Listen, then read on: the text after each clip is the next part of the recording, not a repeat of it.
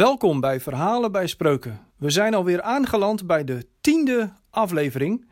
En vandaag hebben we een verhaal bij Spreuken 6, vers 6. Ga naar de mierenluiaard, kijk hoe ze werken en word wijs. Spreuken 6, vers 6.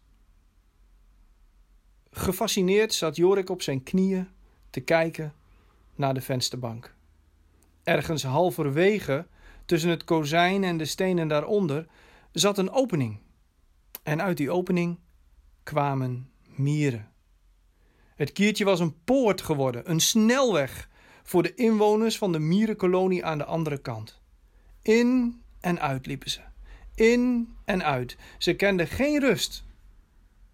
Het was daarbij door de mieren zelf zo georganiseerd dat ze een soort van straat hadden aangelegd met komende mieren aan de ene kant en gaande aan de andere kant. Ieder bleef in zijn eigen baan. Ze liepen achter elkaar aan als waren het auto's op de ringweg van een stad in de ochtendspits. Jorik verbaasde zich over deze kleine wezentjes, die toch niet veel om het lijf hadden, en toch konden ze dit organiseren. Wonderlijk. Ah, zijn die dingen er nou alweer?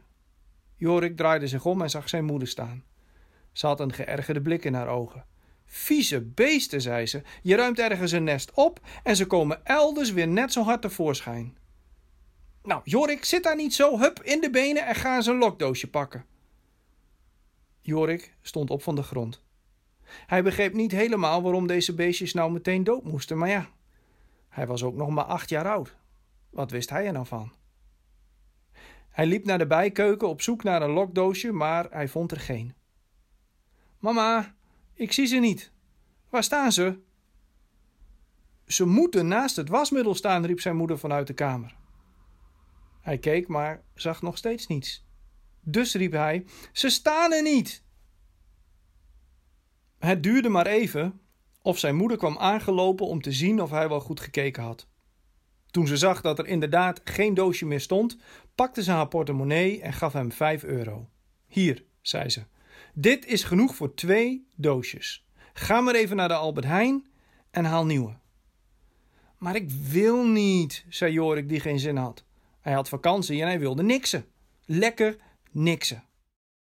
Geen gezeur, zei zijn moeder streng. Straks heb je nog genoeg tijd om te luieren. Dit ga je even voor je moeder doen. Hup! En ze gaf hem een duwtje in de rug en dirigeerde hem zo naar de achterdeur. Toen hij naar buiten stapte en rechtsaf sloeg naar de supermarkt, riep zijn moeder hem nog wat na. Wat je over hebt mag je houden hoor. Tot zo. Hij glimlachte. Dat was makkelijk verdiend. Ga naar de mierenluiaard, kijk hoe ze werken en word wijs. Spreuken 6, vers 6. De volgende aflevering van Verhalen bij Spreuken is aanstaande vrijdag weer te beluisteren hier op de podcast.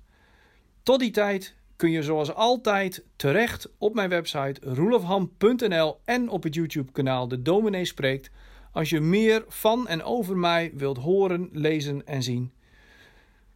Misschien zie ik je daar. En anders, tot de volgende keer. God bless.